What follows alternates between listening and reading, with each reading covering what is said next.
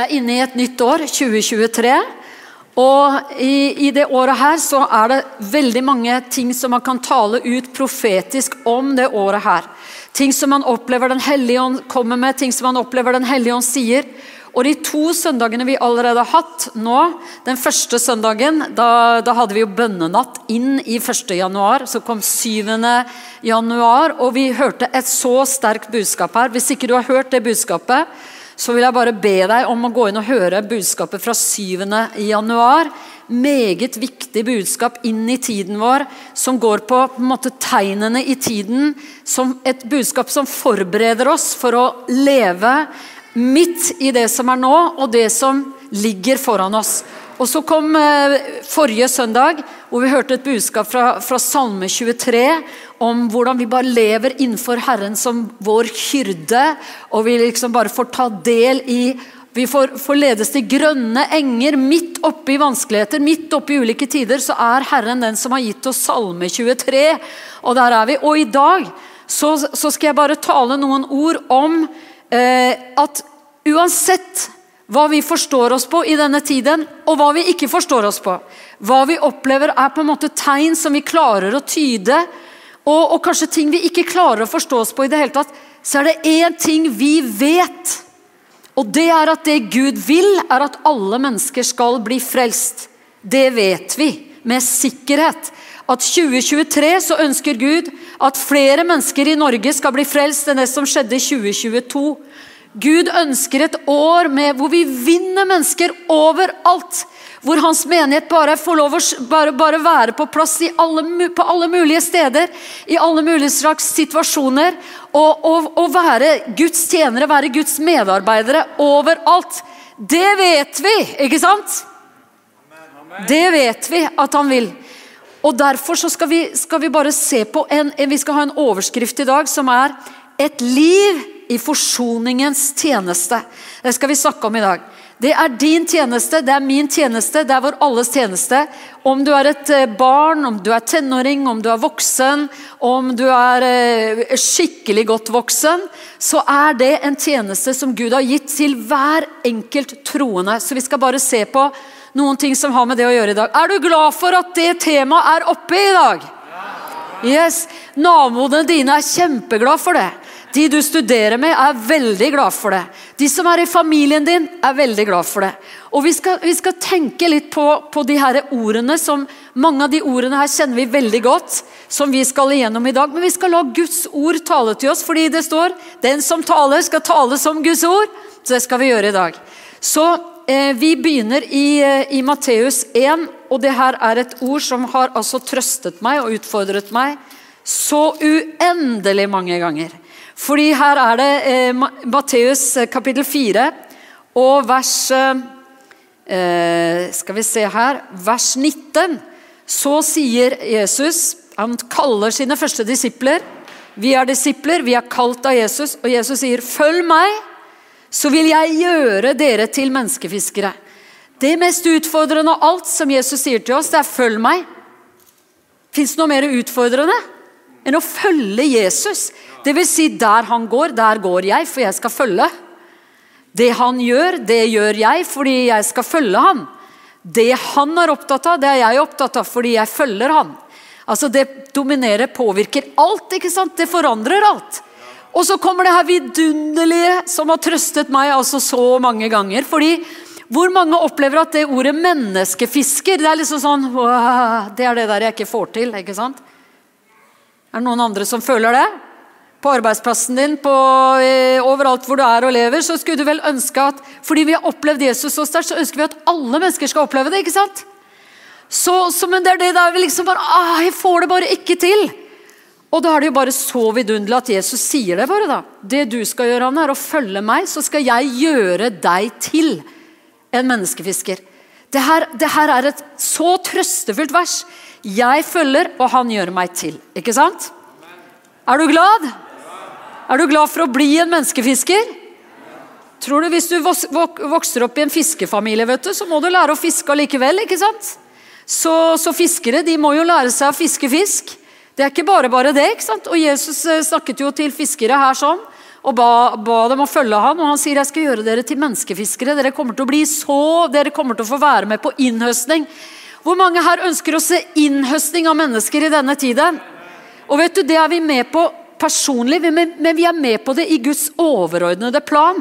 Det sikreste tegnet Matteus 24, 14 sier dette evangeliet om riket skal forkynne. Hvis du syns jeg snakker fort i dag, så, så gjør jeg det. ok? Uh, dette evangeliet om riket skal forkynnes over hele verden. Og så, som et vitnesbyrd for alle folkeslag. Og så skal enden komme. Så det som, det som Herren arbeider med, det er å få ut evangeliet som et vitnesbyrd over hele verden. Er det noen som skal på Every Nation Tour her? Ikke sant? Altså, Tror du det er i Guds hjerte? Every nation. Ikke bare det, men every person. Hvert menneske er på Guds hjerte. Så dette året her også, i juni, i Amsterdam så er det en samling som vi ønsker at alle dere skal være med på. Eh, og Det er 23. og 24., tror jeg, eller 21. til 24. eller noe sånt. Når vi får opp det så alt blir ordnet med riktige datoer. Men det er eh, i hvert fall de dagene der.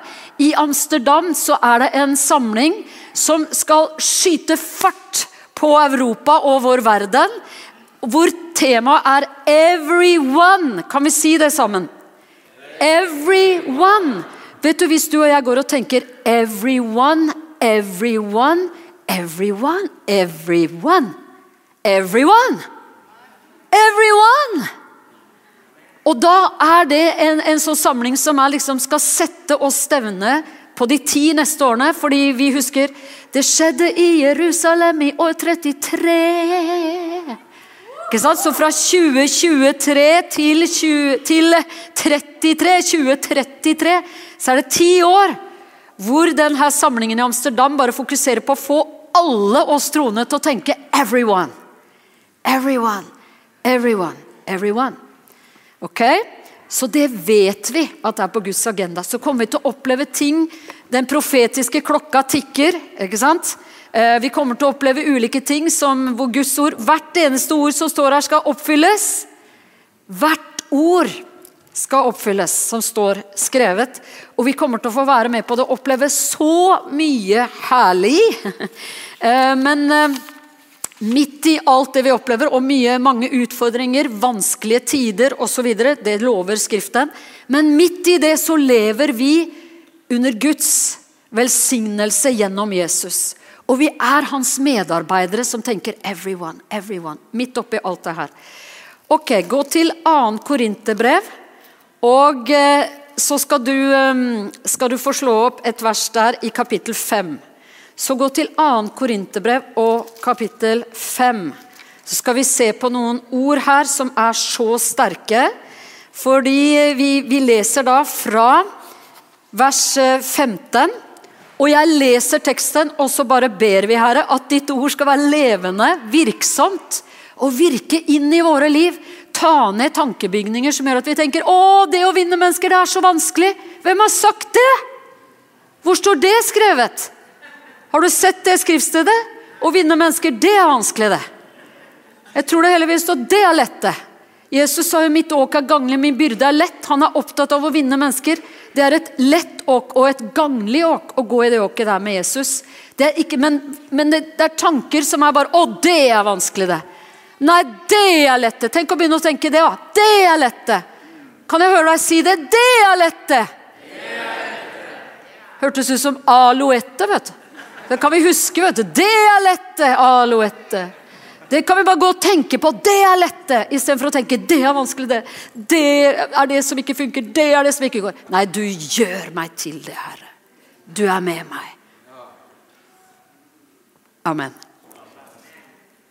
Og han døde for alle for at de som lever, ikke lenger skal leve for seg selv, men for han som døde og oppsto for dem.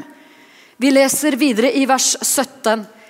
Derfor om noen er i Kristus, da er han en ny skapning. Det gamle er borte. Takk og lov, takk og lov, takk og lov. Jesu venner sier alltid takk og lov. Amen. Det gamle er borte. Se, alt er blitt nytt.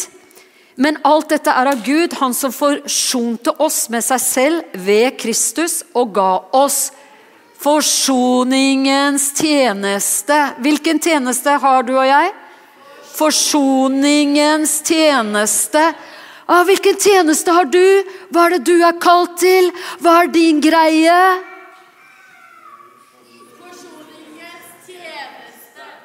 Ja, everybody, la oss si det sammen. Hva er vår tjeneste? Forsoningens tjeneste. Forsoningens tjeneste står rett ut hvilken tjeneste vi har. Forsoningens tjeneste. Tiel Osborn, verdensevangelist, har vunnet millioner. Han sa jeg har aldri fått noen kall fra Gud. Jeg har bare handlet på det som står i ordet. Og ga oss for, forsoningens tjeneste. Det var Gud som i Kristus forsonte verden med seg selv. Verden går rundt og tror at Gud er imot oss, Gud er ikke for oss. Hvorfor ordner ikke Gud opp? Jeg har skrevet 'Love Story' pga. at jeg tenkte sånn og fikk aha-opplevelsene, kom på rad og rekke når jeg kom under forkynnelsen av evangeliet. Men vi tenker så feil om Gud! Gud har forsonet hele verden med seg selv. Alle vi jobber med, alle vi kjenner, alle i familien og slekten, har Gud forsonet med seg selv. Gud har gjort forsoningsverket.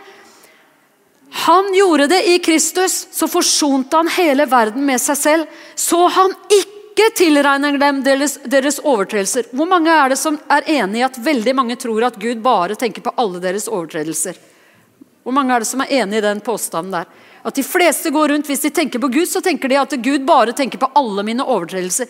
Alt jeg har gjort feil, det kommer opp hvis jeg tenker på Gud. ikke sant? Så han ikke tilregner dem deres overtredelser og la ned i oss ordet om dette. Ordet om det her, at Gud er forsonet, det la ned i oss. Ordet om forsoningen. Så er vi da sendebud i Kristi sted, som om Gud selv formaner ved oss. Vi ber i Kristi sted. La dere forlike med Gud. Han som ikke Du vet det å be i Kristi sted Kom an, folkens! La deg forsone med Gud! Kjell Haltorp går rundt som en sånn omvandrende menneskefisker som vinner mennesker hver eneste dag. Kommer han inn her, og han er på en kafé i området her, han har vunnet flere på det stedet før han går ut igjen. Og når han har tatt en kaffe, så da har han bedt med folk der, og, og, de er så salige, og de er så glade, og de har fått en bok som han har med, som tar og viser dem de første tingene. ikke sant? Han, han, går sånn Du må forsone, la deg forsone med Gud. Han, hans åpningskommentar Jeg har vært sammen med han så mange ganger, så jeg har sett hans åpningskommentar. Det er lik overfor alle mennesker. Så sier han bare ja, ja, kjenner du Jesus litt, du? Kjenner du Jesus litt? Det er jo litt av et spørsmål. ikke sant? Ingen, alle har jo litt kjennskap kanskje til Jesus. Ja, Kjenner du Jesus litt, du? Ja, ja, ja. Og da er det i gang, ikke sant? Fantastisk, altså måtte vi alle bli sånne Kjell Haltorpere. Altså. I, I, egen versjon, da, i din versjon, men ikke sant? Åh, for en, for en oppgave! Han går jo i denne forsoningens tjenester, som vi alle har. Han som ikke visste av synd, har Gud gjort til synd for oss, for at vi i ham skal bli rettferdige for Gud. Gå til Efeserne 5.1. Hvis du ikke rekker å slå opp, så har jo vi det så flott her i forsamlingen. Skal vi gi en applaus til de som sitter og kjører skjerm? Så, eh, så får vi det opp på skjermene. vet du. Det er bare så bra. Her står det 'bli derfor Guds etterfølgere som hans elskede barn'. 78-oversettelsen sier 'ha Gud som forbilde'. Ok, hvem er ditt forbilde? Gud. Eh, det er bra vet du, når de spør deg om det på jobben. ikke sant? Hvem er ditt forbilde? Ikke sant? Hvem er det du følger? Hvem er det du følger? Gud. Mitt forbilde er Gud. Wow. Det høyere blir det ikke, ikke sant? Bedre blir det jo ikke. Så, så, da skal vi se, da. Det å ha Gud som forbilde. Nå skal vi slå opp i, i 1. Korinterbrev, kapittel 13, kjære venner. Fordi når vi er kalt til å leve i forsoningens tjeneste, så trenger du og jeg å vandre i kjærlighet. Det påvirker vår, vår, evne til å være i forsoningens tjeneste. Hvis jeg skal være i forsoningens tjeneste, og jeg er i forsoningens tjeneste, så trenger jeg Når jeg skal ha Gud som forbilde, det er å ha kjærligheten som forbilde. ikke sant? For Gud er kjærlighet. Og nå skal vi lese, Her står det rett ut 'kjærligheten er'. Så skal vi lese. 1. Korinterbrev, kapittel 13 og vers 4. Kjærligheten er tålmodig. På jobb, på skole, slekt, venner, familie. Tålmodig. Kunne egentlig tatt sånn gjennom hele, gjennom hele, talen her i dag at vi bare roper til hverandre. Vet. Tålmodig! Velvillig! Kjærligheten misunner ikke. Kjærligheten skryter ikke. Den trenger ikke å blåse seg opp, kjære venner. Er ikke det nydelig? Trenger ikke å blåse deg opp på Instagram engang. ikke sant? Fantastisk. Det er jo for, en, for, et liv, for et godt liv. Trenger ikke å blåse seg opp. Gjør ikke noe usømmelig. Søker ikke sitt eget. Oi, oi, oi. Er det noen som er gift her? Noen som lever i ekteskap? Ja. Søker ikke sitt eget. Good. Uh, blir ikke bitter. Noen som har møtt sånne gamle grinebitere? Har lyst til å bli en sånn? Utvikle deg til å bli en sånn? At vi blir sånne gamle, sure grinebitere som sitter og snakker om alt som folk har gjort dårlig mot oss gjennom livet vårt. Så blir verre og verre jo eldre du blir. no way! No way. Jesus is the way. Gjemmer ikke på det onde. Sitter ikke og sparer og samler opp alt det onde. Hvor mange opplever at det, i sinnet vårt, i tankene våre, så kan det komme forsøk på å bare samle opp alt det onde? Har du opplevd at et, du har vært et sted, og så kommer eh, ti stykker og sier at kjolen du har, er bare så stilig. Jeg har sjelden sett noe stiligere, og du kler den jo bare Det er som er sydd til deg. liksom. Så kommer det en og sier åh, den fargen der, du ser pyton ut. Det ser jo sjuk ut. Hva er det du husker når du går hjem? Hæ? Hva er det vi gjemmer på? Gjør kjærligheten det? Får jeg høre? Nei! Tenk hvor mye bedre liv da, hvis vi samler på det gode. For et bedre, mye bedre liv! Åh, dette er kjærlighetens vei. Og vi har det, kjærligheten som forbilde, men vi har den også i oss. Gleder seg ikke over urett, men gleder seg ved sannhet. Den utholder alt, tror alt, håper alt, tåler alt. Kjærligheten faller aldri bort. Skynd deg over til Romerne 5.5, så kan vi bli trøstet med en gang. altså. Eh, for her står det Håpet gjør ikke til skamme, Romerne 5.5.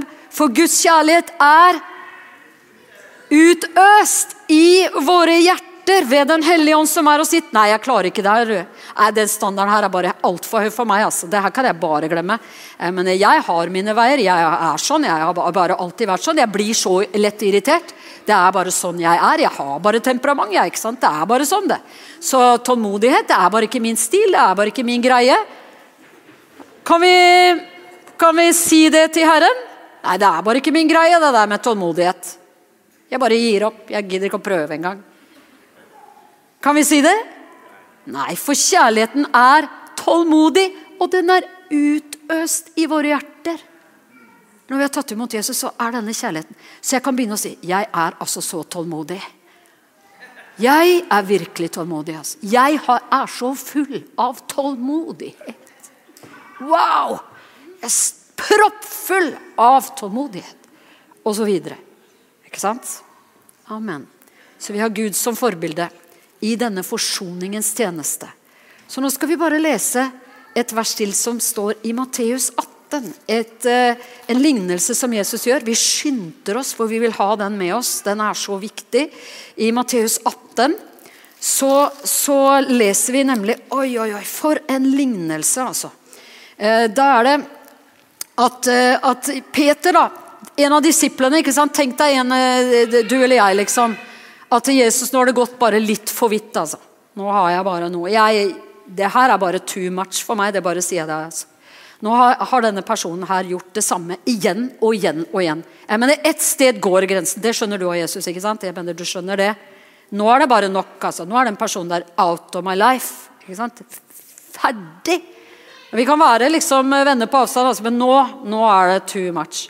Akkurat sånn kom Peter ikke sant? og skulle liksom være så flink. vet du, så han sier, Da gikk Peter til ham, eh, kapittel Matteus 18 og vers 21. Da gikk Peter til ham og sa, 'Herre' Hvor mange ganger skal min bror kunne synde mot meg, og jeg tilgi ham? Inntil sju ganger. Han. Sju er et hellig tall. vet du. Nå blir Jesus skikkelig imponert. ikke sant? Nå, nå, nå har jeg skjønt det. altså. Nå blir det stjerne i margen her. sånn. Og Jesus sier til ham, ikke sju ganger, sier jeg deg, men 70 ganger sju. 70 ganger sju. Og så kommer denne lignelsen her, som vi bare tar og leser hele lignelsen. Så fort vi bare klarer, sånn at vi får den med oss. Vi rekker den. ok? For at bussen går snart, vet du. Det er det. ikke sant? Så, og der skal du være, vet du, for du, du, det er noen der ikke sant, som du eh, skal møte i dag. Da, Derfor, sier Jesus, er himlenes rike å ligne med en konge som ville gjøre opp regnskapet med sine tjenere. Se for deg det her nå. Da han begynte med oppgjøret, ble den ført fram for ham en som skyldte 10 000 talenter. Men da han ikke hadde noe å betale med, bød Hans Herre at han skulle selges, han og hans hustru og barn og alt han eide, og gjelden betales. 10 000 talenter, det er bare helt enormt med penger. Så han var helt ferdig, han hadde ingen sjanse til å gjøre opp denne gjelden, så han skulle selges, han og hele familien. Tjeneren kastet seg da ned for ham og sa, 'Ha tålmodighet med meg, så skal jeg betale deg alt sammen.' Herren hadde da inderlig medykk med denne tjeneren. Han løslot ham og ettergav ham gjelden. Og vet du, den gjelden her var bare helt en massiv gjeld. Han ettergav ham alt sammen. Men da tjeneren kom ut, møtte han en av sine medtjenere som skyldte ham 100 denarer. Det er ingenting. Han grep fatt i ham, tok strupetak på ham og sa, 'Betal det du skylder'. Medtjeneren falt han ned for ham, bønnfalt ham og sa, 'Ha tålmodighet med meg, så skal jeg betale deg.' Men han ville ikke. Tvert imot. Han gikk av sted og fikk kastet ham i fengsel. Der skulle han sitte til han hadde betalt det han skyldte. Men da hans medtjenere så det som hendte, ble de svært bedrøvet, og de gikk og fortalte sin herre alt som var skjedd. Da kalte hans herre ham for seg og sa til ham, Du onde tjener! Hele din gjeld etterga jeg deg fordi du ba meg. Burde da ikke også du vise barmhjertighet mot din medtjener, slik jeg viste barmhjertighet mot deg? Og hans herre ble vred og overga ham til den som piner, inntil han betalte alt han skyldte. Slik skal også min himmelske far gjøre mot dere, om ikke hver og en av hjertet tilgir sin bror. Her snakker Jesus. Kom an, dere er i forsoningens tjeneste. Mitt folk, hallo! Det er forsoningens tjeneste. Jeg har hengt på korset for alle mennesker. Jeg har slettet din gjeld. Fullstendig. Du sto i gjeld til meg til evig fortapelse. Du fortjener ingenting av meg. Det vet vi, sånn er det. Vi fortjener ikke en ting. Allikevel har vi fått alt. Vi har fått Guds beste. Han har sendt Jesus for oss. Han har gått i døden for oss. Han har gitt alt. Og så klarer ikke vi å tilgi hverandre. Det er intriger i menigheter fordi de klarer ikke å stå sammen. What is this? Og vi har forsoningens tjeneste. Hvordan skal denne verden her få det budskapet? Så den lignelsen her er så viktig. Hvordan kan du, når du er tilgitt alt, Anne, hvordan kan du da gå og holde på og male på et eller annet fisleting som en eller annen har gjort mot deg? Eller noen har sagt noe om deg, eller noen ikke har oppført seg bra mot deg? Hvordan kan du holde på med det i tankene, Anne? Når jeg har tilgitt deg alt, så kan du leve i min tilgivelse. Og gjennom guddommelig tilgivelse så er du i stand til å tilgi alt. Ikke i vår egen kraft, men gjennom Guds tilgivelse. Denne kjærligheten som er utøst i våre hjerter. Og da kan vi leve i forsoningens tjeneste, hvor vi bare kjenner Guds kjærlighet til andre mennesker. Uansett om de fiker til deg, du sier vet du hva, du glemte den sida der, ta den med deg, du, så kan vi holde kontakten enda litt lenger, du og jeg. vet du. For da tar det litt lengre tid mens vi er i klinsj her nå. Og mens vi er i denne klinsjen, så kan Gud røre ved deg, for han har reddet meg. Jeg er reddet for all evighet, og det, det samme har han gjort for deg. Du må få tak på det. Ikke sant? David Wilkerson som gikk inn i New Yorks verste områder og gikk forbi, og politiet sa hvis du går videre inn her nå, så er du ferdig. Vi går ikke inn der, vi engang, med våpen. Og Han gikk inn der og stiller seg foran Nikki Cruz, og Nikki Cruz sier at jeg skal, jeg skal kutte deg opp i biter. Og han sier, ok, hvis du gjør det, så skal hver eneste bit som ligger på bakken, si til deg 'Jesus elsker deg'. Og det knakk Nikki Cruise. Han er en Guds tjener som har vunnet Bare himmelen vet hvor mange Nikki Cruise har vunnet for Jesus etter det møtet med Guds kjærlighet. Forsoningens tjeneste. Å, 2023! Dette året her, uansett hva det bringer oss av vanskeligheter, av, av ulike utfordringer, vinne mennesker. Vinne mennesker. Må det få være et vinne mennesker-år. Et år hvor Guds menighet får lov å oppleve at mennesker bare blir lagt til menigheten. Mennesker dras til Jesus. Mennesker får, er, får oppleve forsoningen med den levende Gud. Amen. Å, Jesus, du skal virkelig du skal hjelpe oss, Herre. Nå skal vi ta, og så skal jeg bare gå inn i tre ulike eksempler på bønner som har forløst mennesker, sånn at de har fått ta imot Jesus og blitt frelst. Tre ulike eksempler. Og jeg skal begynne med meg selv. Og skal du slå opp i 2. Korinterbrev, kapittel 4.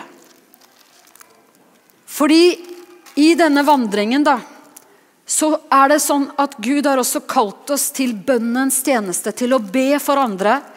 Til å be for familie, venner, mennesker vi ikke kjenner, be for vår verden osv. Fordi det er en åndelig kamp om hver, hvert enkelt menneske. Det er en åndelig fight over hvert menneske. Jesus har vunnet hver og, en, hver og en. Gud har skapt oss, og Jesus har vunnet oss og betalt prisen for hver og en av oss. Men det er en åndelig kamp over hvert menneske. Så her står det i 2. Korinterbrev 4,4.: For denne verdens Gud har forblindet de vantros sinn, så de ikke ser lyset fra evangeliet om Kristi herlighet, han som er Guds bilde. Hvem er denne verdens gud med liten g? Vi snakker ikke om noen allmektig gud. Men med liten g, denne verdens gud, altså over denne verdens ånd, det er Satan, det er, det er djevelen. Og det han arbeider med, er å forblinde menneskers sinn, så de ser ikke evangeliet. De klarer ikke å se evangeliet. Slå opp i, i eh, eller Følg med i, i Johannes' åpenbaring, kapittel 12 og vers 9. Så skal vi bare se enda et sted hvor det, hvor det står. For der står det den store drage ble kastet ned, den gamle slange, han som kalles djevelen og Satan. Hør på det som står her. Han som forfører hele verden. Han ble kastet ned på jorden, og hans engler ble kastet ned med ham. Det fins en forførelse over hele verden som kommer fra Satan. Og det han arbeider mest med, det er å forblinde de vantros sinn, sånn at de ikke ser lyset fra evangeliet. Jeg skal bare fortelle om meg. Jeg har vokst opp i et kristent hjem. Veldig mange av dere kjenner min historie. ikke sant? Nå skal jeg bare fortelle deg om en bønn som, om, om, et bønnearbeid som, som, var over mitt liv. Foreldrene mine ba for meg, Besteforeldrene mine ba for meg. Jeg vokste opp i, i troen. Men når jeg, når jeg, fikk muligheten til å liksom gjøre mine egne valg, så valgte jeg meg bort fra eh, veien med Jesus. Og det ble en voldsom kamp i livet mitt, og jeg ble mer og mer mer og mer aggressiv mot folk som forsøkte å, å, å forkynne evangeliet for meg. Og, og dere har hørt masse om det. Men hør på det her. I, før jeg, eh, Jesus ble ordentlig herre i livet mitt, så er min mamma og pappa de er på seiltur i Middelhavet sammen med et annet vennepar. De har en båt der, og de er, de er ute der. Og de, mamma og pappa selvfølgelig, hadde jo bedt for barna sine, sånn som alle foreldre gjør. Og de visste at jeg var ikke på sporet. altså. Jeg, øh, jeg, var ikke der jeg skulle være i det hele tatt. Eh, jeg drev og jobbet, tjente penger og reiste for jeg skulle se verden så mye som mulig før jeg øh, tok øh, fløyten og liksom 70 år var ferdig og vi flagget ut herfra. Tenkte liksom jeg må se så mye av kloden som mulig. Så var det jeg egentlig drev med. Og, og, eh, og, så er de i den båten. Og på den tiden det her var, så hadde de ikke noen undervisning om liksom det å ta autoritet over den onde og sånne ting som det der. Altså de, den undervisningen kom på, kanskje ble løftet veldig sterkt opp på 80-tallet. Eh, videre så fikk man liksom åpenbaring. Oi, det er en åndelig kamp her! liksom. Og Gud har gitt oss nøkler og våpen. Det vi binder på jorda, det er bundet osv. Det vi løser, er løst. og så om den åndelige autoriteten vi har. Men de fire, og jeg, de fire er i den båten. Og så kommer de inn i en sånn bønnenød for meg. Så de ligger nede i den båten på kne, alle de fire. Og de roper til Gud. De var desperate, altså. For meg. Og de roper til Gud, og de bryter Satans makt over livet mitt og den forblindelsen.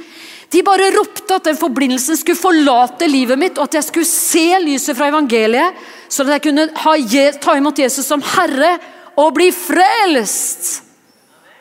Amen. Og jeg, jeg etter hvert da så havner jeg i Roma, jeg er der, for det er veldig viktig. Jeg skulle lære meg italiensk osv. der. og Plutselig får jeg bare følge dem. Og hjem til Oslo. Jeg kan ikke være her lenger. Jeg drar hjem til Oslo, og da har dere hørt det der med plakater og så videre, som var over hele byen. Jeg kommer inn på et møte for å lage bråk med de kristne. Hvorfor jeg aldri skulle bli en halleluja-kristen ever. Og ingen kunne si at jeg ikke turte å gå på møte, så jeg gikk på møte. Og der hører jeg evangeliet forkynt. Og jeg blir badet i lyset fra evangeliet. Og foreldrene mine sitter langt bak. Jeg aner jo ikke at de er der engang. For jeg, de ser plutselig meg komme inn der, 5000 mennesker, og jeg står bare sånn Ja, ja, ja. Ved scenen. Jeg skulle ikke sette meg ned. Jeg sto bare på siden sånn. Sto der, liksom. Og skulle bare se på disse gærne kristne. Og, og løpe ut derfra på party på kvelden.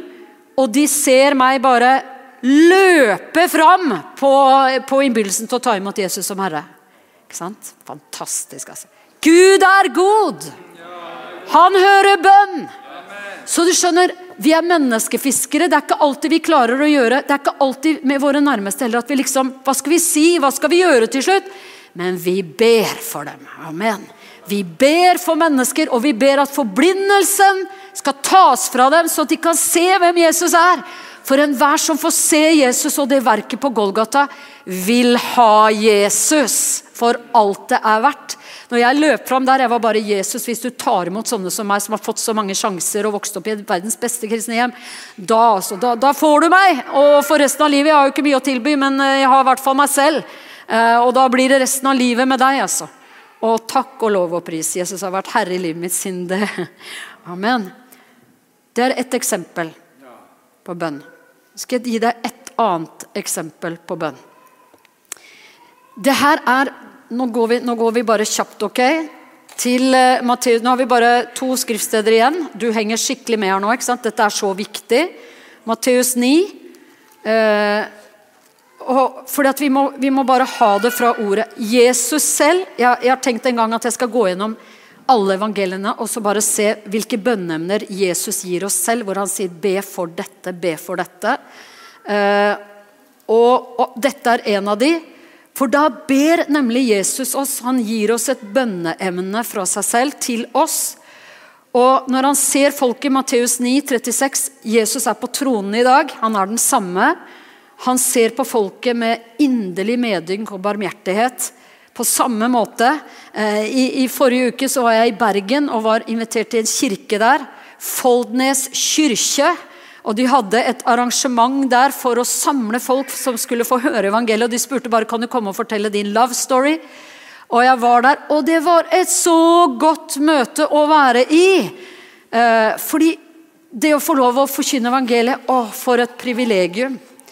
Eh, altså her sier Jesus her står det om Jesus. Da han så folket, fikk han inderlig medynk med dem, for de var herjet og forkomne som får uten hyrde. Da sa han til sine disipler, høsten er stor, men arbeiderne få. Be derfor, dette er et bønneemne fra Jesus, be derfor høstens herre at han vil drive arbeidere ut til sin høst. Ok, det her er en bønn du og jeg ber. Vi ber for mennesker vi kjenner. Driv arbeidere til din høst, Herre. Dette er et bønneemne som hele menigheten ber. 2023, et år hvor vi bare ber. Herre, driv arbeidere til din høst. Driv arbeidere til din høst. Og da plutselig så er jo, så er jo det, ting som skjer da, ikke sant? at arbeidere blir drevet til høsten. Engler er med og arbeider for de som skal få frelsen.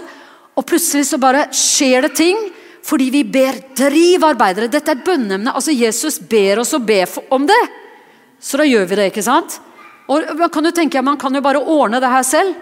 Nei, han ber oss å be på jorda i hans navn. Vi er hans menighet. Driv arbeidere til din høst.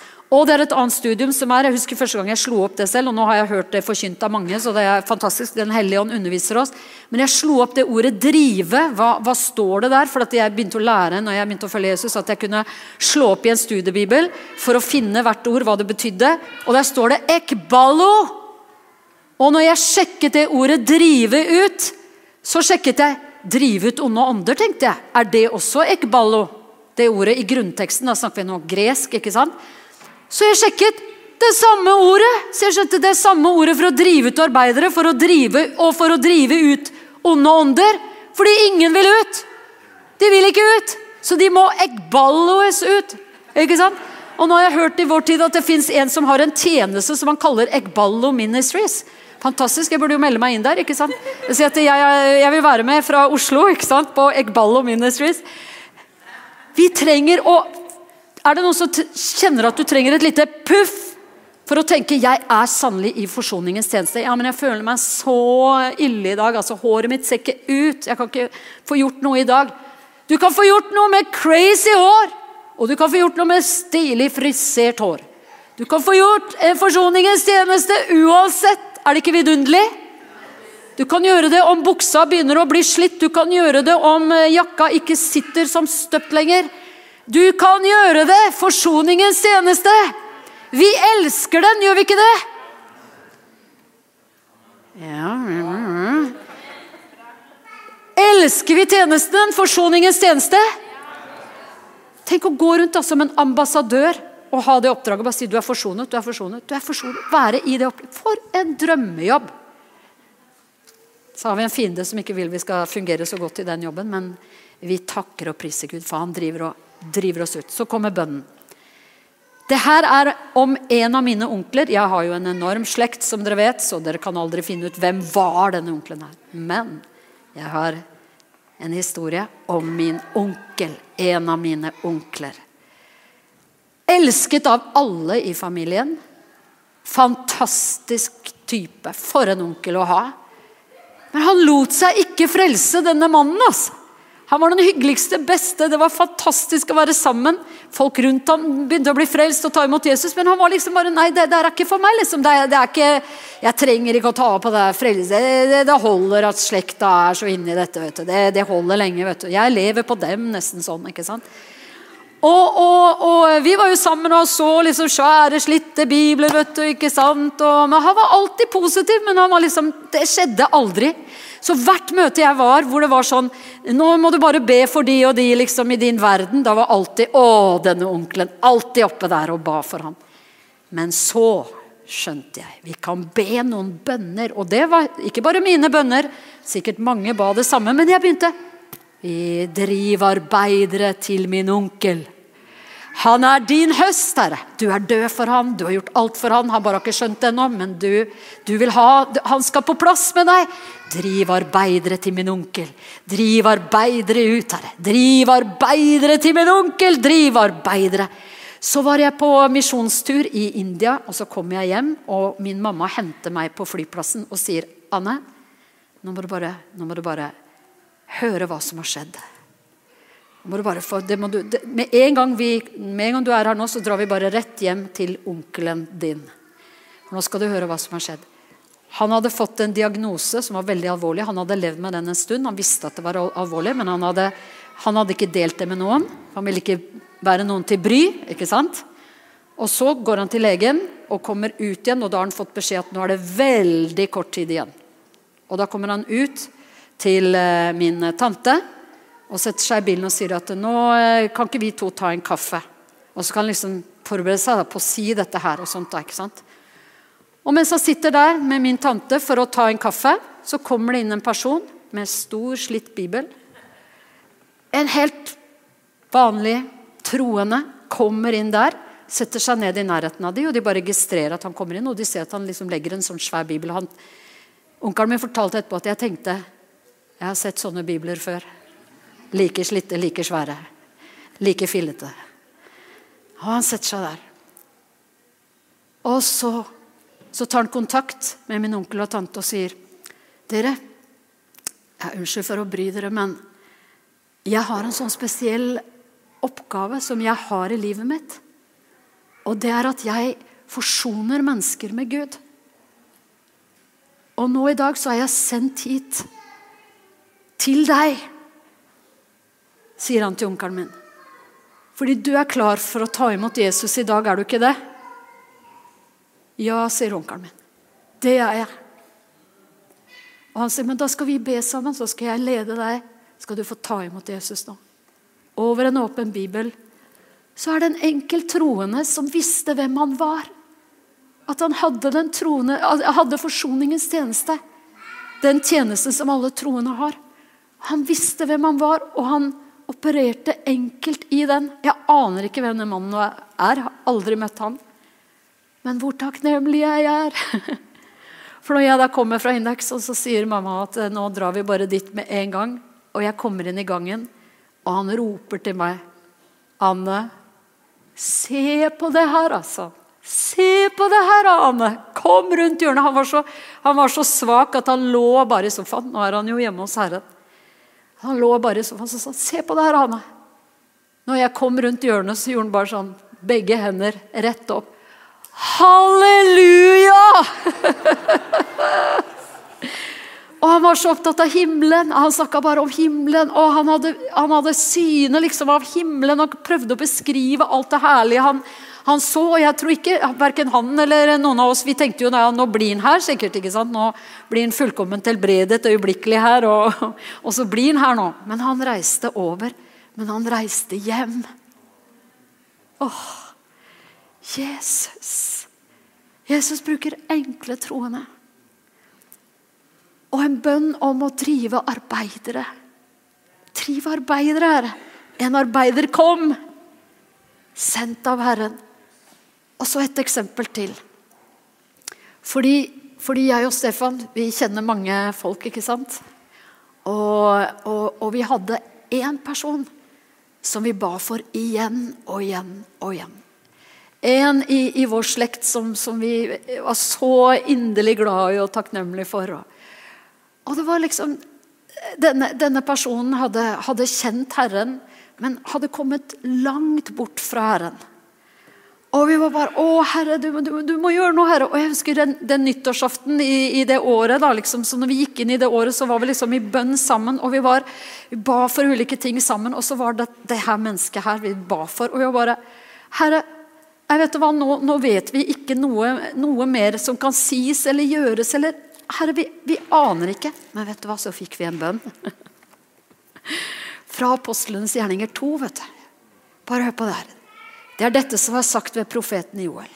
Det skal skje i de siste dager, sier Gud. Da vil jeg utgyde min ånd over alt kjød. Deres sønner og deres døtre skal tale profetiske ord. Deres unge menn skal se syner, og de gamle blant dere skal ha drømmer. Selv over mine treller og trellkvinner vil jeg i de dager utgyde av min ånd, og de skal tale profetiske ord. Jeg skal gjøre under oppe på himmelen og tegn nede på jorden, blod og ild og røkskyer. Solen skal bli forvandlet til mørke og månen til blod, før Herrens dag kommer, den store og herlige. Og det skal skje. Hver den som påkaller Herrens navn, skal bli frelst. Denne utgytelsen av Den hellige ånd, det her overnaturlige tilslaget, det nærværet av Gud, det skulle føre til at mennesker begynner å påkalle Herrens navn å bli frelst. Amen. Det er, det, liksom, det er det nærværet av Den hellige ånd som er det der tilslaget ingen av oss kan gjøre. ikke sant? Det er til stede hver gang et menneske tar imot Jesus og blir frelst. er det en åpenbaring av Jesus gitt ved Den hellige ånd. Og vi bare ba Herre, vi vet ikke hva mer vi kan gjøre eller si eller be eller noe som helst. Men far, nå ber vi. Kan du gi denne personen en drøm? En drøm fra deg som maler opp for vedkommende. Du, hvor høyt, hvor høyt denne personen er elsket, av din plan og din vilje. At du, at du bare drar denne personen tilbake til deg gjennom en drøm. Så går det et, et halvt år cirka, noen måneder, og så er vi sammen i en sammenheng med denne personen. som kommer til oss, og som sier Dere, jeg er helt shaky. Jeg er bare Jeg er helt skaket. Jeg må bare dele det med dere. Jeg har, fått, jeg har hatt en drøm som bare beskrev hele livet mitt, og hvordan jeg har kommet skikkelig på avveier. Og jeg, jeg fikk se i den drømmen hva som skjedde. Og Gud viste meg nå hva jeg skal gjøre. Og dere, jeg bare ønsker å, å komme tilbake til Jesus. Kan dere be for meg? Jeg hadde fått den drømmen der rett før vi da møttes. ikke sant? Herre, og det mennesket der sammen, eh, sammen der så fikk vi bare be sammen. Og den personen fikk bare komme rett på plass med Jesus.